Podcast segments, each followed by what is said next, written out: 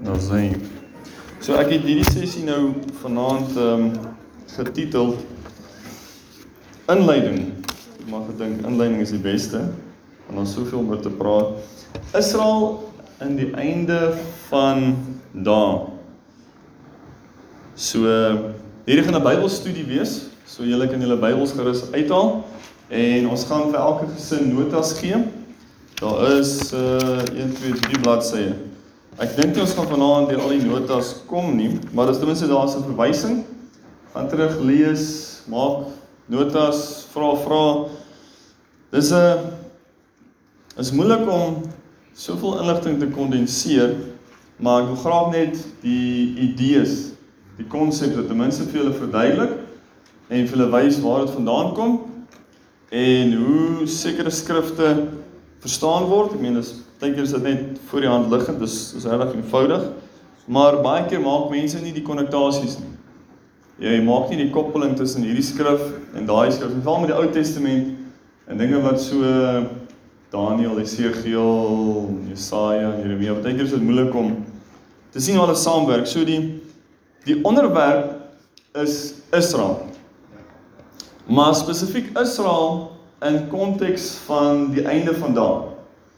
En die heel eerste punt hierso wat ek die vraag vra is wat is die einde van dae volgens die woord, volgens die Bybel?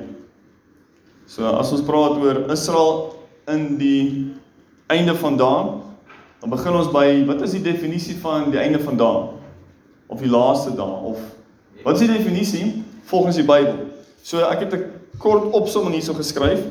Die einde van dae is 'n lang tydperk tussen Jesus se eerste koms en sy wederkoms. OK. Basies al die punte wat ek hier aangehaal het met die skrifverwysings, jy sal sien daar's nogal baie. Is eintlik in 'n opsomming as jy al daai gaan lees, al daai profeseë in die Ou Testament wat praat oor Jesus se eerste koms en wat duidelik praat oor sy wederkoms, almal van hulle maak dieselfde aanname, hulle maak dieselfde stelling. Die einde van daai Kom ons gaan gou deur hierdie hierdie lysie gaan van bo af onder toe, al die bullet points. Dit sê die volgende: Die bepaalde tyd van die einde is een manier in Daniël 8 vers 19 waar engel Gabriël aan Daniël verduidelik wat hy gesien het in die visioen en hy sê Daniël, hierdie is vir die bepaalde tyd van die einde. Nou as jy daai lees, dan kom jy agter wat hy daar verduidelik is 'n scenario wat afspeel voor Jesus se koms Maar daai profesie gaan homself weer herhaal voor Jesus se wederkoms. OK? Dan het ons die volgende. Die einde van daag Genesis 49 vers 1. Jakob wat 'n profesie gee oor sy sy 12 seuns. Daniël 12 vers 13 gebruik dieselfde die einde van daag. Jesaja 2 Petrus. Dan het ons hierso die einde, net daai term. Dan het ons die tyd van die einde, Daniël 12 vers 4. Kyk, daar kom daag Daai is 'n 'n inleidingsstelling wat gebruik word in die profete, veral in Jeremia en dan kry ons 'n paar in, in Amos ook. Kyk daar kom daar en dan gee Jeremia 'n profesie van die nuwe verbond, van die terugkeer van Israel, van die herbou van die tempel, van die heerlikheid van Israel. OK. Maar hy gebruik nie die woorde die laaste daar nie. In Jeremia gebruik hy kyk daar kom daar dan sien jy as jy die konteks lees, dan is nogal voorhand liggend waarvan hy praat. So jy begin hierdie legkaart stukkie saam sit en dan kry jy een prentjie. Die volgende een is in die dag. Jesaja 2, gaan lees jy dit en as jy Jesaja 2 gaan lees, Jesaja 4, Jesaja 11, Jesaja 12, dan sien jy daai hele hoofstuk praat hier van aan die einde van dae word Israel herstel en daar's heerlikheid. Maar Jesus is die sentrale fokuspunt, die Messias. En dan kom jy agter in oh, oh, hierdie hele hoofstuk praat oor die eerste koms van Jesus en daar's 'n vervulling in sy wederkoms. Die volgende een, die dag van die Here. Daai is 'n groot een. Jy kry dit deur amper al die profete. Kry jy die dag van die Here. En dan as jy dit lees in konteks en jy begin bietjie die vraag vra, hoe verstaan ek dit? Is dit een fisiese dag Ja, ek dink daar gaan een fisiese dag wees wanneer Jesus terugkom. Maar daai een dag is ook 'n tydperk wat oploop na 'n klimaks toe. So die die term wat ek sal gebruik is die generasie van Jesus se wederkoms. Die mense wat leef ons glo ek wat oploop na sy wederkoms toe. Ons gaan die dag van die Here sien. Die volheid van tyd gebruik ehm um, Paulus Galasiërs 4, Efesiërs 1 vers 10, Markus 1:15. Die volheid van tyd in my kontekste is die koms van Jesus. Die laaste dae, Handelinge 2:17, as jy ooit gewonder het wanneer begin die eindtyd? Net daar's Handelinge 2:17, dis die uitstorting van die Heilige Gees, dis Pinkster. En wat gebeur? Almal vra vra, hoekom praat hierdie ouens in hierdie tale? Is hulle dronk so en so? En Petrus staan op uit die middel van hy en Petrus sê, hierdie manne is nie dronk soos julle dink nie. Sê die 9de uur. Maar hier gebeur is wat Joël van gepraat in Joël 2:28 en hy haal Joël aan en hy sê in die laaste dae het God geprofeteer gaan hy sy gees uitstort. Wow, wow Petrus, jy's besig om vir ons iets te sê hier wat merkwaardig is. Petrus is besig om te sê toe hy daar staan Handelinge 2 was dit die laaste dae. OK, dis die punt wat ek graag wil maak met hierdie inleiding. In die eerste deel. 1 Timoteus 4 vers 1 sê Paulus die laaste tye. Hy gebruik daai woorde. En as dit dan in daai brief van 1 Timoteus is dit al van toepassing in Paulus se tyd. En dan kom 1 Johannes 2 vers 18 en hy skryf en hy sê die laaste uur. So al hierdie skrifte en al hierdie bewoordings gaan jy duidelik sien het nommer 1 te doen met Jesus sy eerste koms en nommer 2 te doen met sy wederkoms. So by gevolgtrek dan is die eindtyd 'n lang tydperk wat fokus op Jesus se eerste koms en eindig met Jesus se wederkoms. Maar saam met dit hierdie onderwerp van die eindtyd is dit baie moeilik om nie te praat oor die koninkryk van God nie. Want Jesus het gekom en hy het gesê bekeer julle want die koninkryk van die hemel het naby gekom. So die eindtyd is die begin van die koninkryk. Jesus sê in Lukas 17:21, die koninkryk van die hemele is binne in julle. Die Heilige Gees kom woon binne in jou, dan het jy 'n deposito van die koninkryk se realiteit. Die Jesus begin heers binne ons en tot sy volheid kom wanneer sy wederkoms, dan heers hy oor die hele aarde. So die eindtyd is ook die tydperk van die koninkryk van God. Lukas 16 vers 16 en 17. As jy dit gaan lees daar, dan kom jy agter Jesus sê, die wet en die profete het almal geprofeteer tot op Johannes, maar van toe af word die koninkryk van die hemele bestorm en bestormers neem dit met geweld en die koninkryk word verkondig. Die eindtyd word verkondig. Die tyd van Christus, die tyd van die Messias word verkondig. Die tyd waarin die nasies moet bereik word met hierdie boodskap. So ek het vir julle 'n mooi illustrasie daar gegee. Links het jy die kruis, Jesus se eerste koms. Dan jy hierdie 2000 jaar tydperk. Dis plus minus waar ons nou is. Dis nou nie tot op die datum toe nie. En dan het ons hierdie pyltjie af, dis die wederkoms. Wie van julle het al hierdie verduideliking van die einde van dae gehoor as jy gehoor het van eindtyd eskatologie van Openbaring van die Bybel. Ek wil net sien. Ja. OK, so is 'n paar mense. Kom ek vra so wie het nog nie hierdie verduideliking so gehoor nie? Enigiemand steek jou hand op. OK, so dis baie belangrik dat ons hierdie konsep verstaan dat die eindtyd en die eind einde van dae is hierdie lang periode van Jesus se eerste koms tot sy wederkoms. En dat Openbaring is geskryf 'n kort tydjie sekerlik na die verwoesting van die tempel 70 na Christus. En so van daardie af is Openbaring al relevant. So baie van die dinge in Openbaring kon al gebeur het. Want dis hoe die Bybel werk. Baie van die profesieë van Jesaja en Jesegiel en Daniël en Jeremia het al gebeur, maar raai wat? Dit gebeur weer. Daar's 'n eerste vervulling As jy sensitief is en jy gaan lees die Bybel, dan kom jy agter Jesaja en Jesegiel en Jeremia, almal was profete voor die ballingskap. En hulle profeteer dat Israel gaan in ballingskap gaan, maar God gaan hulle terugbring. So as ek reg, sê hulle met my? En dit gaan 'n heerlike wederkom sê, dit gaan 'n heerlike versameling wees en 'n terugkeer wees en die tempel gaan gebou word en daar gaan heerlikheid wees en Israel gaan so sterk wees en al die nasies gaan na Israel toe kom en hulle gaan die God van Israel kom aanbid daar in Jerusalem en dan wat het gebeur?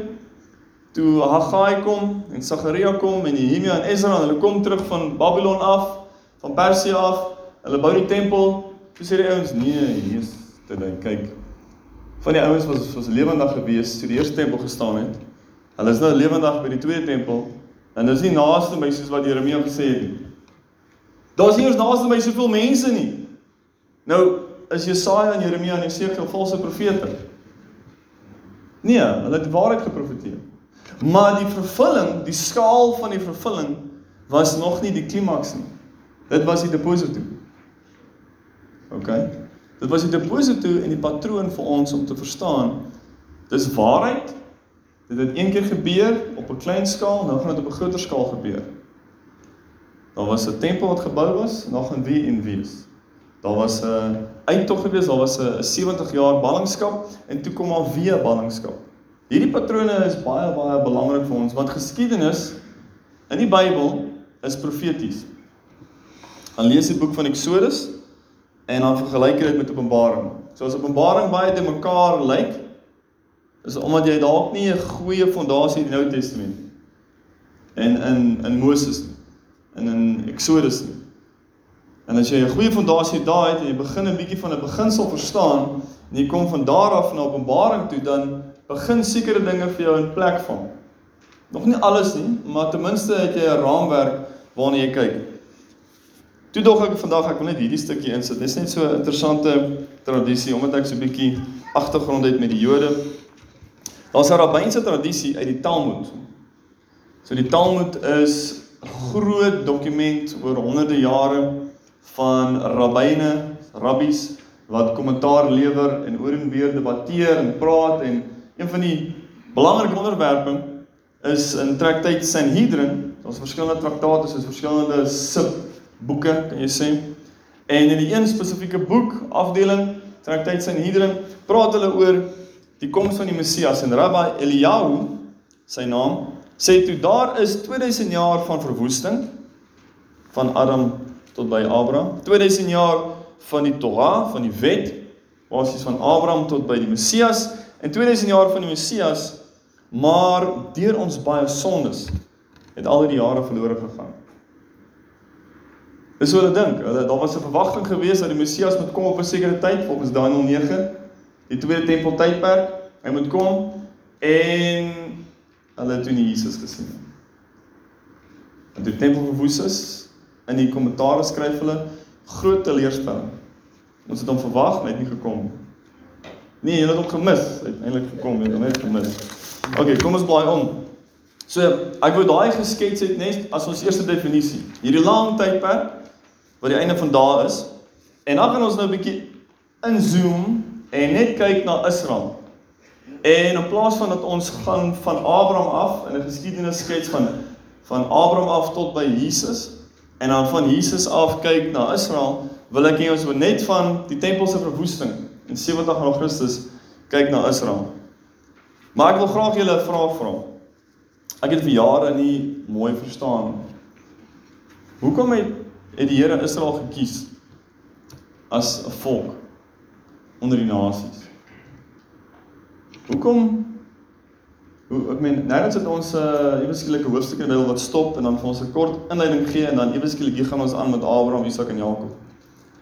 Jy die die storie vloei net so. En eers na 'n rukkie as die Heilige Gees jou begin uh um wakker maak, kom jy agter, wow, wow, wow. Daar's 'n rede hoekom dinge net so vloei. Kom ons stop en ons vra die vraag. So nou wil ek julle vra. Hoekom kies die Here vir Abraham, Isak en Jakob? Hoekom het hy vir Israel gekies? Het hy nie die hele aarde gemaak nie? Ek sal sê die aarde gemaak en met Adam en Eva dis basies die sentrum van alles. En dis waar Israel baie naby is. So om sê uit die uit die Here het Israel gekies as gevolg van die geografiese land. Ja. OK. Enigiemand anderste? Ek het uit Israel gekies om die Here hulle so was half soos 'n um soos 'n wonderwerk om om te sien waar hulle was en waartoe hulle op pad heen was en waar hulle opgeëindig het. Ja. Okay, okay. En nog anderste? Ek dink die So. So toe die Britline. Was René? die begin met die vallende engele dat hulle Britline skoon is. Okay, so ons het geografiese goed, ons het hoe ver hulle was, ons het bloedlyn Rian, wil jy iets hier gesê? Britline. Drietjie? Ek dink die Here is altyd dis moet bestaan en so baie tipe mense bestaan. So die Here het moet bewys die Here kom nie net vir een tipe mens. Hy kom vir vir dat dit uit die betalende feature al verskillende generasies en mense bestaan. Dis kom is daar so 'n bloed is. Die Here is vir die. Okay, so ek wil hê julle moet oplet dat die vraag is baie belangrik. Want as jy die hoekom nie verstaan nie, dan gaan jy die einddoel nie mooi verstaan nie. Dan gaan die prentjie van die Bybel in die Ou Testament nie mooi vir jou sin maak nie. Hoekom kies God hierdie een man en sy geslag en en hoekom nie ander nie? So Genesis 11 is baie belangrik. Daar's 'n groot gebeurtenis in Genesis 11 wat die antwoord is vir Genesis 12. Wat gebeur by Genesis 11? Die toring van Babel. Wat gebeur by die toring van Babel? Ons het al die nasies wat verenig om afgoderry te bevorder, om 'n afgod te aanbid. OK? En ons neem aan by definisie Noag het geweet wie die ware God. En na Noag gee dit vir ons Genesis 10 die geslagregister en daar het ons 70 geslagte wat genoem word 70 nasies. As hulle gaan tel. En 70 is die getal van die nasies in die Bybel. En ewe skielik na hierdie lang geslagregister het ons hierdie gebeurtenis van Genesis 11. En Genesis 11 word gesien as die rede vir Genesis 12. Logies. Die Bybel is 'n baie logiese boek julle. Genesis 11 verwerp die nasies die aanbidding van die enigste ware God van skepping. En weens die feit dat hulle 'n toring bou, is eintlik 'n tempel. Die was die torings in die ou dae was eintlik tempels. Die die piramide was 'n tempel, dit was 'n nagemaakte berg. Almal het op die berge gaan aanbid. So hulle bou 'n toring, hulle bou 'n tempel om hierdie God te aanbid. Nie die ware God nie. 10 teenoor die gevalle engele, die mense weer mislei, die mense die gevalle engele aanbid. Jy sien dit as jy die dooies se rolle gaan lees, jy gaan lees die boek van Henog, en jy gaan lees Deuteronomium 32 vers 8 en 9. Dan sien jy God verwerp die nasies en hy kies nou een man. Die rede van Abraham se, die rede hoekom God Abraham kies is omdat die nasies hom verwerp het toe hulle afgoderry gekies het bo hom. OK? Baie belangrike storielyn in die Bybel. Hoekom? Want Genesis 12 lees ons en ons lees hierso. Vers 2. En ek sal jou 'n groot nasie maak en jou seën en jou naam so groot maak dat jy 'n seën sal wees en ek en ek sal seën diegene wat jou seën en hom vervloek wat jou vervloek en in jou sal al die geslagte van die aarde geseën word. Jy skielik het ons een man en deur hom gaan ek nou almal bereik. Hoekom? Want almal het my nou hier verwerp. Al die nasies het my hier verwerp. Dan lees jy Psalm 82 in konteks van wat ek nou vir julle gesê het, dan sien jy dit sê daar die seuns van God het oor die nasies geregeer. Die seuns van God is 'n term in die Ou Testament vir 'n hoër rang engel, geestelike wese. Hulle was opdragte gegee om die nasies te bestuur en die nasies te leer van die ware God en die aanbidding van die ware God. Genesis 6 sê vir ons hierdie engele, hierdie gevalle, hierdie hierdie engele, hierdie seuns van God het geval, weggedraai van daai roeping af, daai werk, die nasies geleer om hulle te aanbid en dis waar die groot vloed ingekom het. Maar dit sê vir ons dat daai selfde Nephilim, daai selfde saad van hierdie engele geneem met mense was ook na die vloed. En dan lees ons dit by die toring van Babel dat hierdie groot man Nimrod was 'n geweldenaar en hy het die mense gelei om hierdie afgode te aanbid. En dan Psalm 82 verduidelik vir jou die oordeel wat oor hierdie engele kom. En selfs met Deuteronomium 32 vers 8 en 9 sê dat die Here het die nasies se grense bepaal volgens die seuns van God. Jou Afrikaanse vertaling mag dalk sê volgens die seuns van Israel, maar die dooie se rolle se vertaling sê die volgens die seuns van God. Want daai volgens daai vertaling of daai weergawe is perfek in lyn met Psalm 82 wat verduidelik die seuns van God het heerskappy gehad oor die nasies. En die nasies, hulle het die nasies geleer toring van Babel om afgode te aanbid. En toe verwerp God die nasies en sê nee, dan gaan ek een mens kies, gaan deur om 'n nasie maak en dan gaan hulle leer van sonde in die vlees en dan gaan hulle leer van my ware aanbidding en dan gaan hulle gebruik om deur hulle die wêreld weer terug te bring. So daai is 'n baie belangrike kort opsomming voor ons kom nou by Israel en Israel wat in die jaar 586 voor Christus is die eerste ballingskap. Kan jy dink, dit was my nogal verstommend geweest om hierdie gedagte te dink en dit net te beredeneer. God gee vir Moses die perfekste plan om die tabernakel te bou. Met die priesters, die klere, alles. Hy sê hierdie is hemelse beelde, kom maak dit op aarde en ek wil kom woon in julle midde en ek wil julle leer, ek wil julle God wees. Toe gee die Here die plan vir Dawid om die tempel te bou. Groter heerlikheid as die van Salomo, ag die van van van Moses se tabernakel. Salomo kom bou dit. Die Here kom en hy vul dit met sy teenwoordigheid. En dan begin die mense in sonde leef en die Here stuur die profete en sê vir hulle: "Hierdie profete sê vir my volk, ek gaan die tempel verwoes." Wag nou net. Het hy nie hierdie tempel geseën met sy inwyding nie? Het hy nie die blou druk gegee vir hierdie tempel nie? Hoe is dit dat hy dan hierdie tempel kon verwoes? Die oomblik as julle my mense wegdraai van my af, gaan ek van julle al wegdraai. En die totale bewys daarvan is ek gaan julle uitspoeg uit die land uit wat ek julle gegee het. Dis die patroon, Adam en Eva, tuin van Eden. Spoeg julle uit. Raai wat? Die Here sit voor die tuin van Eden se ingang, twee gerubs met vlammende swaarde. Die eerste keer wanneer jy weer lees van gerubs is by die Berg Sinai, Moses, die tabernakel, daar's gerubs in 'n sluier, voorhangsel, 'n deur wat die ingang uit die allerheiligste toe toemaak.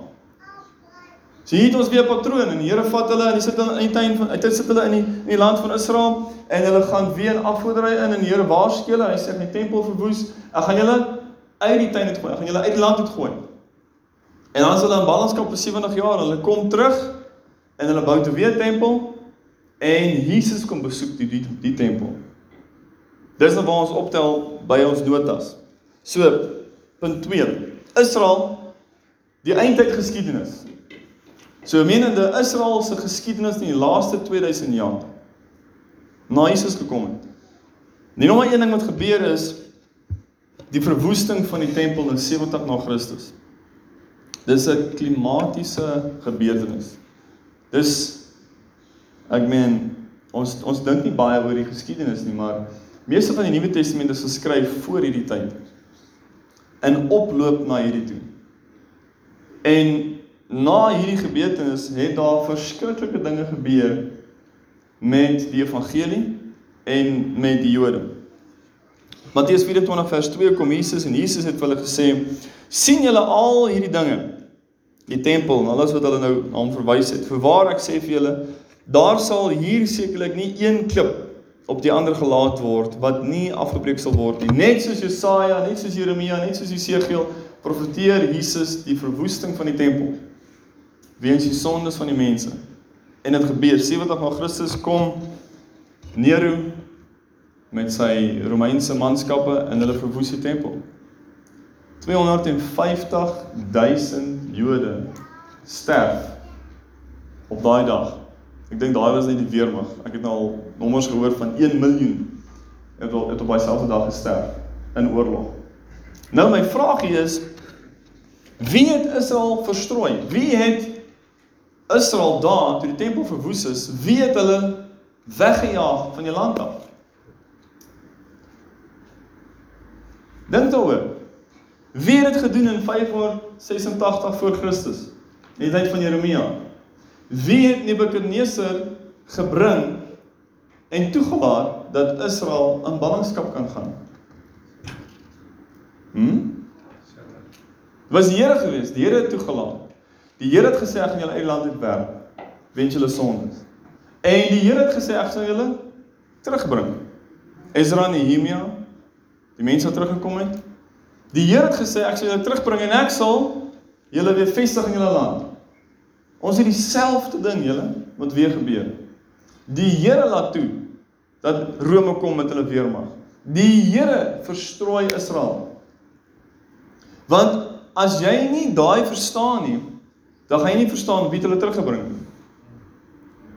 Want jy sien daar's baie verskillende valse leringe wat sê die mense wat nou in Israel is in die land is nie die ware Israeliete nie. Dis nie die ware Jode nie. Israel wie sê sulke goeters, of sulke goeters selfs onder ja, sekere kerke ook. So en die antwoord op my vraag is ek het wie hulle weggejaag in 70.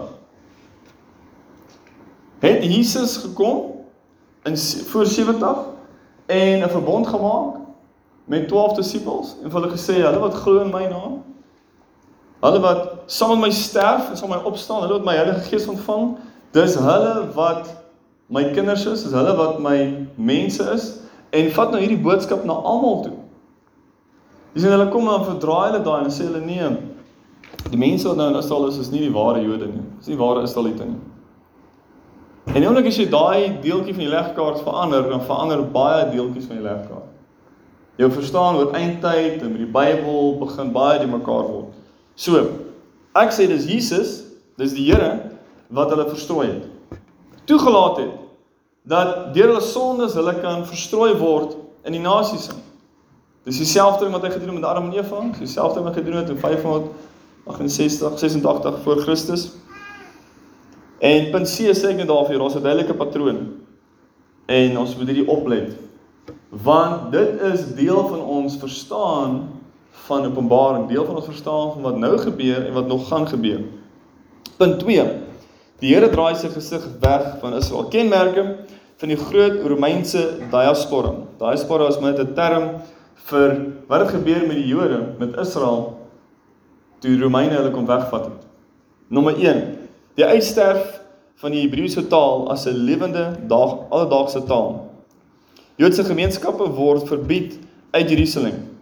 Ek weet nie of julle geweet het nie, maar Jerusalem se naam was verander onder Romeinse heerskappy na Alia Capitolina toe. Hulle het Jode verban uit Jerusalem uit.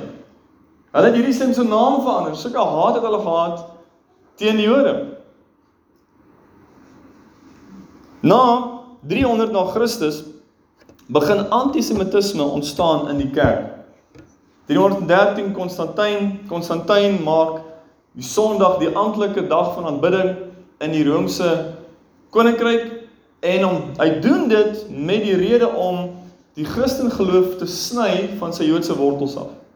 Teen op daai tyd almal wat geglo het in Jesus wat Jode was en nie Jode was nie, hulle het om die Jode gekloek Hulle was geken as mense wat saam met die Jode gaan.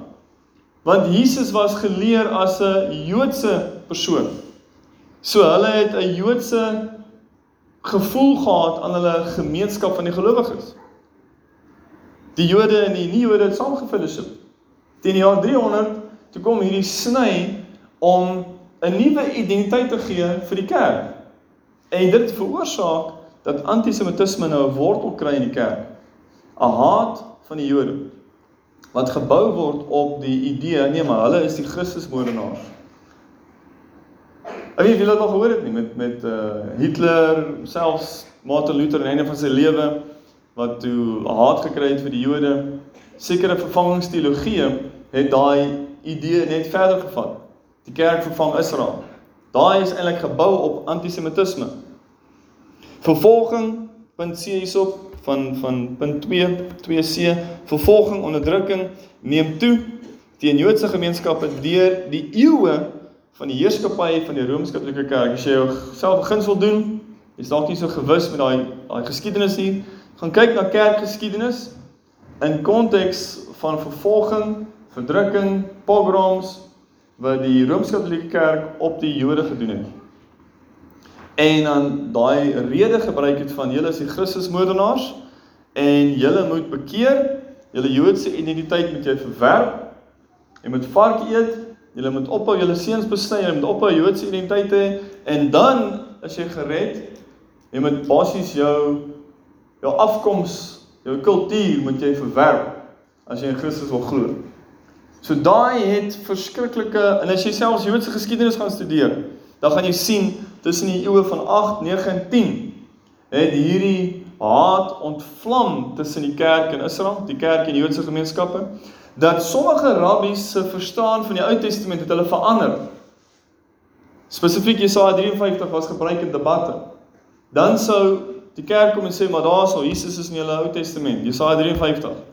So erg dat hulle sou hulle Jesaja 53 kommentaare verander het. En vandag nog in 'n sinagoge het jy die lees van die wet, 'n porsie uit die wet van Moses uit en dan 'n porsie uit die profete uit. En hulle het die porsie so opgedeel dat jy amper deur al die profete sou lees gelyktydig saam met jy saam Moses elke Saterdag, maar by Jesaja 53 sal hulle nooit 'n porsie koppel aan die wet nie. Hulle sal nooit jy lees jy lees 'n stuk in die wet en lees jy 'n stuk van die profete. En die vraag het ontstaan, maar hoekom praat ons nooit oor Jesaja 53 nie? En dis eintlik die die ware geskiedenis is die haat en die konflik tussen die kerk en Israel, die kerk en die Jode. En die kerk weet dit nie. Ek het groot geword in 'n kerk. Was nooit vir my gesê dat jy weet eintlik die Christelike kerk het 'n baie baie slegte geskiedenis en ons staan skuldig voor die Here van baie bloed op ons hande teenoor die Jode. So dis Israel in die eindtyd. Punt 3. Nou kom die tyd en die Here draai sy gesig terug na Israel toe. Hoe weet ons die Here draai sy gesig weg? As jy Israel uit die land uit gooi, dan beteken dit die Here is ongelukkig met jou. Dit is baie baie duidelik in Ou Testament.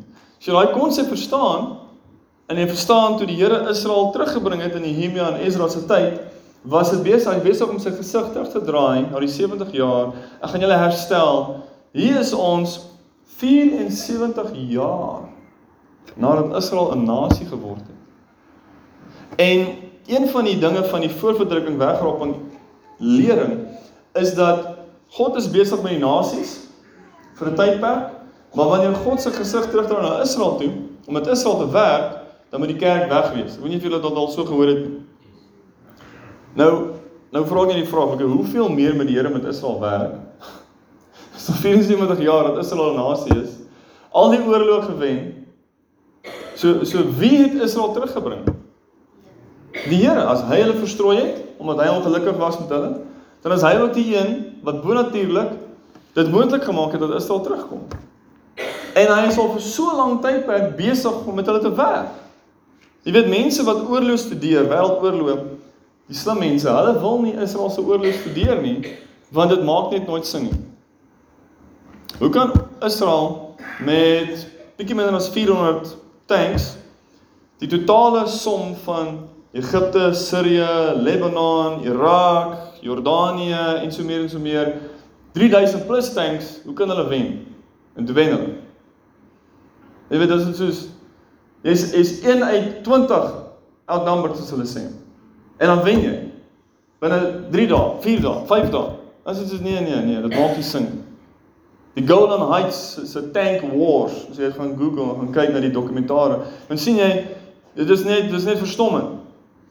En die getuienis is wie het hulle gered? Wie het hulle die oorwinning gegee? Dis voor die hand liggend, dis die Here. OK, so is dit nie as dit nie soos ek hou van die gesag, dis nie rocket science om te sien wie is Israel volgens God se oë. Daai mense wat nou daar in daai land is.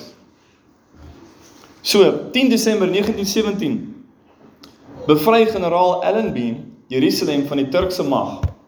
OK, geskiedenis. Dit het klaar gebeur. Eerste Wêreldoorlog.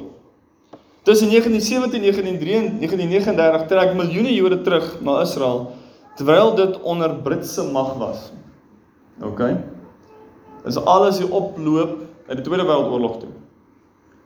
En uh hulle was die vryheid gegee om te trek tot tot die tot Brittanje gesê, "Wow, hier's nou te veel van julle. Die Palestynë maak te veel geraas dat julle vat nou oor maar die Palestina was in elk geval baie meer die Arabs. En uh punt C, in 1924 word die Turkse Ottoman Ryk tot 'n einde gebring. Ek dink daai is 'n baie belangrike ding in my oë, my verstaan van die eindtyd in die Bybel. Dat ons bietjie verstaan wat gebeur het in die Midde-Ooste om Israel, die nasies om Israel en die geskiedenis van dit want dit gaan weer gebeur. Byvoorbeeld huidige uh, president in Turkye, Recep Tayyip Erdogan, het kaarte gepubliseer van die Ottoman Empire, hoe dit was voor 1917 en 1924 toe dit tot niet gemaak was. En hy het gesê hy gaan die Ottoman Empire weer tot 'n herlewing bring, weer vestig. En hy gaan dit 'n Islamic Caliphate maak. Soos wat dit was vir 400 jaar. Die Ottoman Empire was 'n islamitiese ryk. En hy het dit duidelik gemaak in 2024 is dit die 100 jaar se herdenking van toe hulle tot niet gemaak was. En hy wil dit met alle mag en geweld doen. En en die Turkse is Sunni georiënteerde Islam waar Iran Shiite is. Twee verskillende groepe, twee verskillende ideologieë. En Turkye is nie Israel se vriend nie. Hierdie president het al hoeveel keer gesê maak Israel dood. Hy was die een wat 'n gesprek geïnisieer het en 'n op, oproep met al die Arabiese lande en gesê het kom ons stig 'n gesamentlike mag en 'n gesamentlike fonds om die Palestynë te help om hulle te bevry. Jy weet daar's soos 54 verskillende Arabiese lande wat hulle eie soos Verenigde Nasies het. En as daai ouens bymekaar kom, is dit nogal 'n groot klomp wapens en mense. Ek noem dit maar net. Punt D. 1925 is die opening van die Hebreëse Universiteit in Jerusalem. Eliezer ben Yehuda was deur die Heilige Gees, is my opinie, geïnspireer om Hebreëus weer uit die dode uit op te wek. Hy was die ou wat letterlik gesit het 18 ure 'n dag en die Bybelse Hebreëse grammatika gevat het, die manier hoe die Bybelse Hebreëus werk en woorde gemaak het uit Hebreëus uit vir moderne dinge. Voorbeeld, ehm um, teleskoop of 'n mikroskoop, verskoon my, 'n mikroskoop in Hebreëus is mikdelet.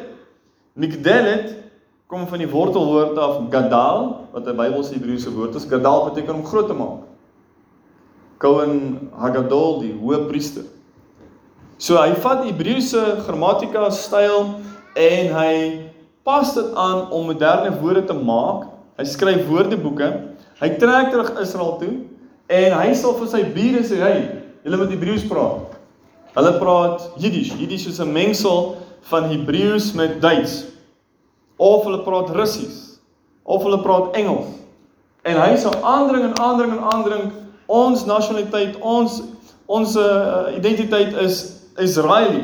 Ons moet Hebreëus praat. Nou Julle kan my gaan probeer verkeerd wys op hierdie ene, maar dit is 'n baie interessante punt. Dit is so interessant dat ek dink as ons dit verstaan, dan maak dit die omvang van die Bybel soveel meer gewigtig. Daar's geen nasie op aarde wat al ooit vir meer as 1900 jaar weg was van hulle tuisland af. Hulle taal verloor het, hulle hoofstad verloor het, hulle nasionaliteit verloor het en teruggekom het na dieselfde stuk grond toe dieselfde taal weer opwek. Dis enigste taal in die geskiedenis van die mensdom wat weer 'n lewendige taal geword het. Weer hulle hoofstad terugkry en weer 'n nasie word onafhanklik op dieselfde stuk grond. Geen ander volk op aarde het dit al ooit nie gebeur nie. So die feit dat ons nou leef en Israel is al 74 jaar lank 'n nasie sê vir my dat ons is die generasie wat Jesus se wederkoms gaan sien. OK? Want die feit dat Israel wedergebore is, weergebore is as 'n nasie, is die grootste teken as jy ooit 'n baken wil hê. Dis die grootste baken in die hele Bybel. Alle profeseë saam van waar is jy in die tyd van die Here? Die tyd van alle tye, die omvang van die Here se plan. En Voor Israel nasie geword, wat gebeur? Die mense lees daai skrifte. Dink ek het myself net 'n bietjie vorentoe gespring, maar die mense lees daai skrifte Jesaja 66 en hulle sê nee, dis dis nie moontlik nie. Ehm um, die het 'n nasie in 'n dag gebore geword. Nee, hierdie moet beeldspraak wees. Ons gaan dit net vat as as sommer net, jy weet, simbolies of nee, dit het letterlik so gebeur. Soos dit gesê het. En as jy al daai skrifte vat wat jy agterkom, net soos wat gesê is, het dit gebeur, dan bou dit vir my 'n logiese verstaan op dat die ander wat nog moet gebeur net so gaan gebeur. Ek glo die Bybel is 'n baie logiese boek. So punt 4, die Holocaust. So nou, hier kom al die mense terug Israel toe. Hulle kom van die ooste en die weste en noorde en die suide, hulle kom, ons noem dit Aliyah, hulle maak Aliyah. Hulle gaan terug. Hulle gaan op. Aliyah is letterlik 'n woord vir om op te gaan. Nêrens in die Bybel gaan jy af Jerusalem toe. Jy gaan altyd op Jerusalem toe. OK, Jerusalem is op 'n berg. So al die mense gaan terug en hier ontstaan 'n probleem in Europa. En dis weer 'n hele ander gesprek van 'n ander dag oor hoe die Holocaust ontstaan het. Maar ons het die Holocaust 1933 1939 tot 1945 en Hitler kom in bewind in 'n Christelike land.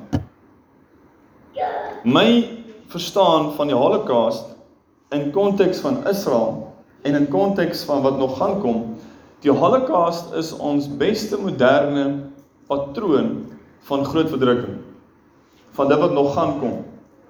As jy kyk aan hoe dit gebeur het, as jy gaan kyk die haat, as jy gaan kyk die metodiek, as jy gaan kyk na die mense, hoe die kerk gereageer het, die toestand van die kerk, dan kom jy agter, wow, wow, wow, hier, ons sit met 'n groot probleem. Baie baie groot probleem. 1933 toe Hitler in bewind gekom het, raai wat? Daar's 60 miljoen literse mense in Duitsland, dis 'n Christelike land. 18000 pastore. Die skok 15000 ondersteun Hitler. Geskiedenis. Baie belangrik. 15000 literse pastore ondersteun Hitler. 'n Nazi sosialis party leier. En hy haal die Bybel aan. En dan haal hy ook aan so die Jode uitmoor. They are the Christ killers. Antisemitisme. Wat gebeur? Die 3000 pastore wat Hitler teëgestaan het, hy begin hulle vervolg. Hy begin soos die ANC maak, begin die kerk meer en meer met regulasies vasbind, vasbind en vasbind. By einde van die dag 2300 van hierdie pastore draai terug en dan ondersteun Hitler, 700 bly oor. Uit 18000 Net 700. En wat gebeur? Hulle moet ondergronds gaan. Nie amptelike kerkdienste hou nie amptelike Bybelskole. En almal wat die Jode ondersteun, word saam met die Jode onder dieselfde oordeel geplaas. Corrie ten Boom gaan saam konsentrasiekamp toe. Wat gebeur? Die Jode word die punt om skeiding te bring in die kerk. Is jy vir hulle of is jy teen hulle? Matteus 25 Dit sê daarso En al die nasies was vergader. So die heel eerste interpretasie en konteks is Jesus sê ek gaan al die nasies bring en ek gaan hulle vra vra. Hoe het julle gemaak met my broers? My Joodse Israeliese mense. Hoe het die nasies opgetree teenoor Israel? So Israel is nou op die toneel die eerste keer in kerkgeskiedenis Dis 'n hele ander dinamika. Ons word groot normaal met daarmee. Maar 100 jaar terug was dit soos 1922. Ag, jy weet, daar's nie 'n nasie van Israel nie. Ja, daar's 'n paar Joodse gemeenskappe hier en daar. Hulle het nie hulle eie soewereiniteit nie. Hulle het nie hulle eie weermag nie. Jy hoor nie eers van gelowige Jode nie. Meer Jode kom nou tot bekering, julle, as nog ooit in die geskiedenis. Hæ? Huh? 120 plus kerke, gemeenskapgroepe, messiaanse groepe in Jerusalem. Daar's 'n herlewing van die evangelie in Israel. En dit is geprofeteer. So omdat ons nie verstaan die dinamika van Israel nie, sien ons nie die rooi ligte wat flikker nie en ons verstaan ook nie wat gaan gebeur in die toekoms nie. Ons het nie dan 'n raamwerk om dinge te verstaan en dit te hanteer nie. So die Holocaust gebeur, 6 miljoen Jode sterf onder die hande van Hitler en die Nazis. Die Holocaust is die moderne klein weergawe wat ons kan verwag van die toekoms. Jy weet miljoene miljoene moslems is bereid om te sterf as hy een Jood of een Christen kan doodmaak. Ek meen terrorisme is nou vir ons 'n normale ding. Maar dis terrorisme met 'n haat teen twee groepe. Eerstens Israel, 'n Jood, eerste prys, tweede prys 'n infidel. Enige ou wat nie glo soos ons glo nie. En die Christene is ongelukkig net die tweede grootste groep. Die volgende groep is oor die die Christene kry baie van die pak swaar. So hierdie is dinge wat hier nou gebeur en is net soos Ek sien dit nie net nie, ek sien dit net in die kerk as 'n belangrike ding nie. Ek sien dit gaan net soos ek dink baie mense is besig met hulle eie ding. Punt nommer 5, 1948, Israel word in een dag weer gebore as 'n nasie. Jesaja 66 van vers 7 tot 10 gaan jy gaan lees. In een dag sal 'n nasie gebore word. Romeine 11 vers 25 Paulus kom en as jy Romeine 11 gaan lees, dan verduidelik hy 'n bietjie vir mense van Romeine 9 tot 11 eintlik wie die Romeinse kerk wat 'n gemengde Joodse en nie-Joodse kerk was nie. Hy verduidelik vir hulle eerste 8 hoofstukke die evangelie en dan kom hy en sê oké, okay, julle julle sukkel om te verstaan, hoe kan Israel God se mense wees, maar hierdie Jode glo nie glo nie in Jesus nie. Hoe werk dit nou? Dit is, is ons nou beter as hulle? Want dis wat Romeine 11 sê. Julle dink nou julle besop om hoogmoedig te wees om te roem? Sê nee nee. As die olyfboom se takke afgekap kan word omdat hulle ongeloof is. Hoe maklik is dit om hulle terug te ent? Jy wat 'n wille olyf is wat nou ingeënt is hier. Net so maklik kan jy afgekap word as jy in hoogmoed gaan roem. En dan sê hy aan die einde van daai, na die volheid van nasies sal God se gesig terugdraai na Israel toe. So twee dinge gaan gebeur. Die Here werk met die nasies. En hy het 'n plan en die Here werk met Israel, hy het 'n plan. En die twee gaan saam tot 'n volheid kom. Waar hulle wat glo in die God van Israel, gaan hulle vereenselwig met Israel. As Israel lei, dan lei hulle. As Israel wen, dan wen hulle. Hoekom? Paulus sê, ons het 'n geestelike erfenis ontvang van hulle af. Hoe sal ons dan nie saam met hulle staan as hulle God se mense is nie? Ja, die oor die evangelie nou is hulle vyandig want hulle is tydelik verblind sê. En daai tydelike verblinding het gekom weens julle onthaalwe dat die evangelie nou na julle toe kan kom. Hoekom? Want God het 'n plan gehad van die begin af. Die toring van Babel moet omgedraai word. Al die nasies moet weer bereik word sodat al die nasies nou 'n keuse het. Sodat al die nasies kan gedeel word tussen bokke en skape. So, punt 6. Die oorlog van Israel. Net so kort lysie daar, julle kan dit self deurgaan. Elke oorlog Israel is ver oorhand. Kan ons punt 6 klaar maak met die tyd wat ons geval. Dit ons geval. Dan Okay. doen ons nommer 3 volgende Sondag. Dan begin jy dadelik met dit. Okay, okay. Ek het gemaak dat ons nie later as- Nee, nee, 100% was dit. Ek weet hulle wil graag nog langer sit, maar ek het beloof ek gaan by die tyd hou. Kom kom ek stop hier en dan vat ons 'n paar vrae en dan Ja, dan kan jy 'n paar vrae gedoen. Dan Okay. sal die tyd ons nie span nie. So, julle kan punt 6 gaan self lees. Daar's meer as genoeg YouTube video's wat die oorlog van Israel verduidelik. En die punt is maar net dat God is met Israel Amen. en hy maak dit baie duidelik. OK. Kom ons vat 'n paar vrae. So, dis nou ongelukkig by punt 3 volgende week gaan ons 'n bietjie praat oor wat nog voor lê. Maar as ons dit wat verby is nie verstaan nie en net bietjie kan in konteks sit nie, dan wat gaan kom, gaan ons net ons eie goed opmaak. Geskiedenis is is baie belangrik. Enigiemand? Gaan jy die lyfboom volgende week dan behandel of wat? Die die vyeboom. Vyeboom. Okay, kom ons kom ons praat gou oor die vyeboom. Matteus 24. So Jesus, kom ons blaai gou so toe. Ek gaan ek gaan jou probeer so kort as moontlik 'n antwoord gee. In in in konteks is Matteus 24 se vyeboom baie eenvoudig hoekom Jesus die vyeboom gebruik. Hier vanaf vers 32 sê dit en leer van die vyeboom hierdie gelykenis. Wanneer sy tak al sag word en sy blare uitbot, weet julle dat die somer naby is. So weet julle ook. Okay, wow, hier het te doen met ons moet oplet wat gebeur. Want as ons hierdie dinge sien, dan weet ons iets. So die vyeboom se gelykenis heel eerstens gaan oor die Here het nie vir niks al die tekens verduidelik wat hy verduidelik het in Matteus 24. So jy sal weet. Dis hoekom hy sê in vers 33. So weet julle ook wanneer julle al hierdie dinge sien dat dit naby is voor die deur. So heel eerstens, dit gaan oor 'n teken. Stop by die stopstraat. As jy die stopstraat se teken nie sien nie, dan gaan jy oor hom ry. As ons nie sien die dinge wat gebeur nie, van hulle is soos Israel se geboorte, die grootste rooi lig. As jy dit sien, dan weet jy die tyd is naby. Maar dan sê Jesus, as julle al hierdie dinge sien, die generasie wat al hierdie dinge sien, sal sekerlik nie verbygaan nie. So dan is daar nou baie vrae oor hoe lank is 'n generasie? Wel volgens Genesis 15 kan 'n generasie 100 jaar wees. Volgens Numeri 12 en 13 kan 'n generasie 40 jaar wees. Die generasie van die woestyn wat sondig was, moes uitsterf.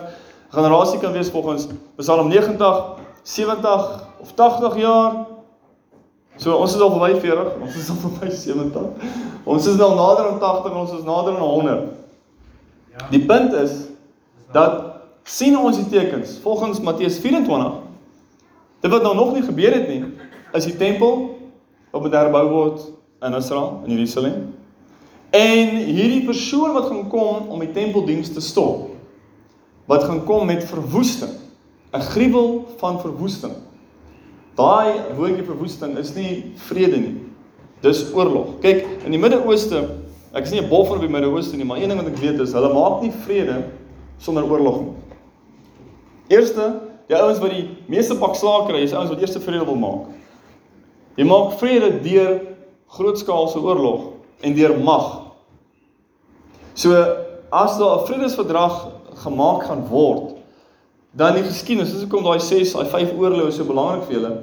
Want daar's oorlog eerste en dan is daar 'n tipe van 'n peace treaty.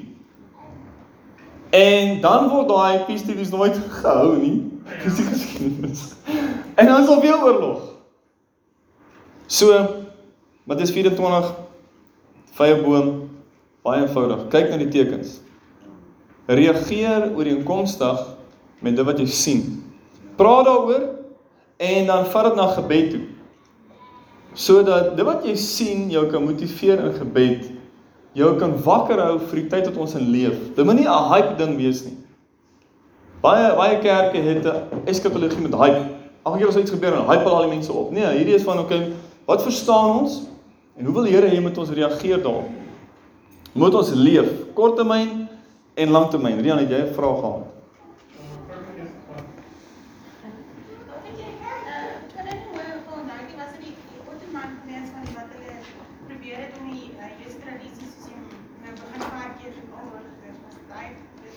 Nee, hierdie is Antiochus Epiphanes 4, die Griekse Griekse heerser van Daniël 8. Was dit nie die die uh soos 'n soos 'n kopie gewees van wat gebeur het in Judas Maccabeus wat maak? Die Maccabees. So die Maccabees is die verhaal van Antiochus Epiphanes en hoe hulle die die Griekse leier het gekom hulle onderdruk en Maccabees was nou priesters en hulle het toe 'n hele revolt begin, 'n opstanding teen hierdie ouens en hulle mag toe afgegooi en toe het hulle die tempel weer hertoegewy en dis waar Hanukkah vandaan kom. Ja, ja. So as jy daai geskiedenis verstaan wat in Daniël 8 en in Daniël 11 letterlik stap vir stap deur engel Gabriël verduidelik word aan Daniël. En dan sê dit in Daniël 11, een van hierdie horentjies was 'n klein horentjie Hy het opgekom onder hulle met 'n mond wat godslasterlike dinge spreek en hy het 'n haat gehad van die heilige mense. Daai is jou keyword as ek dit sou kan sê van die anti-kris. Dis dieselfde beskrywing in Daniël 7, dis dieselfde beskrywing in Openbaring 13. Daar's die 10 horings en dan kom eenetjie op en hy ruk drie uit en hy word groter en groter en hy het 'n mond En dis hy wat die mense verdruk. Dis hy wat die leiding neem teen God se mense. So dan beteken dit Daniël 8 en Daniël 11 sê die anti-kris kom uit die Griekse koninkryk uit.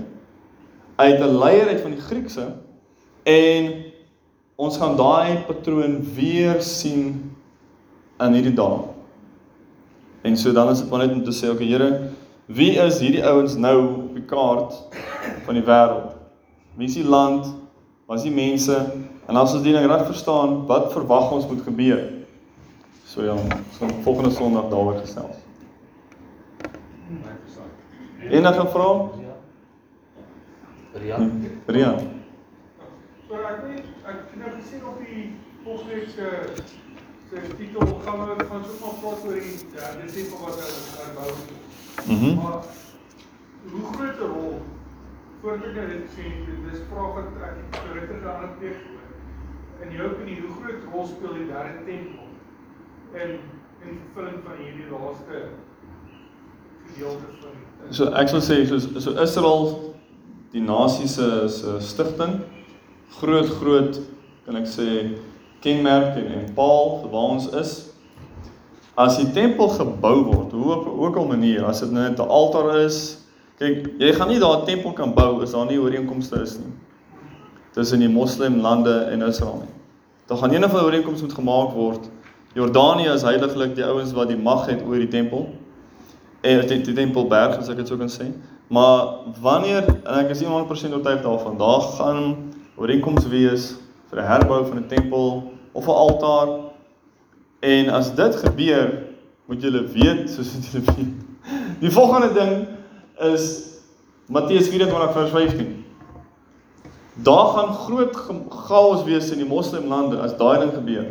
Kyk, net dat 'n Jood loop op die Tempelberg en bid, as hulle hom sien bid, dan arresteer hulle hom in die verlede. Nou is daar bietjie meer vryheid, hulle kan nou bietjie loop en hulle besoek en hulle bid en daar's 'n groeiende, kan ek sê, beweging van ons wil toegang hê tot die Tempelberg. Daai gaan nog eskaleer, nog eskaleer tot waar hulle 'n tempel gebou het.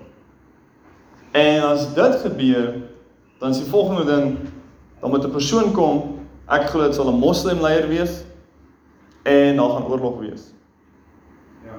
En dis Gog en Magog, dis Sagaria 14. Dis Armageddon en dit sal die begin wees van grootskaalse moles wêreldwyd. Ja. So baie belangrik. As daar nie so iets is nie, dan ons wag en kyk nog. Maar ons kan sien dit raak net nader en nader en nader.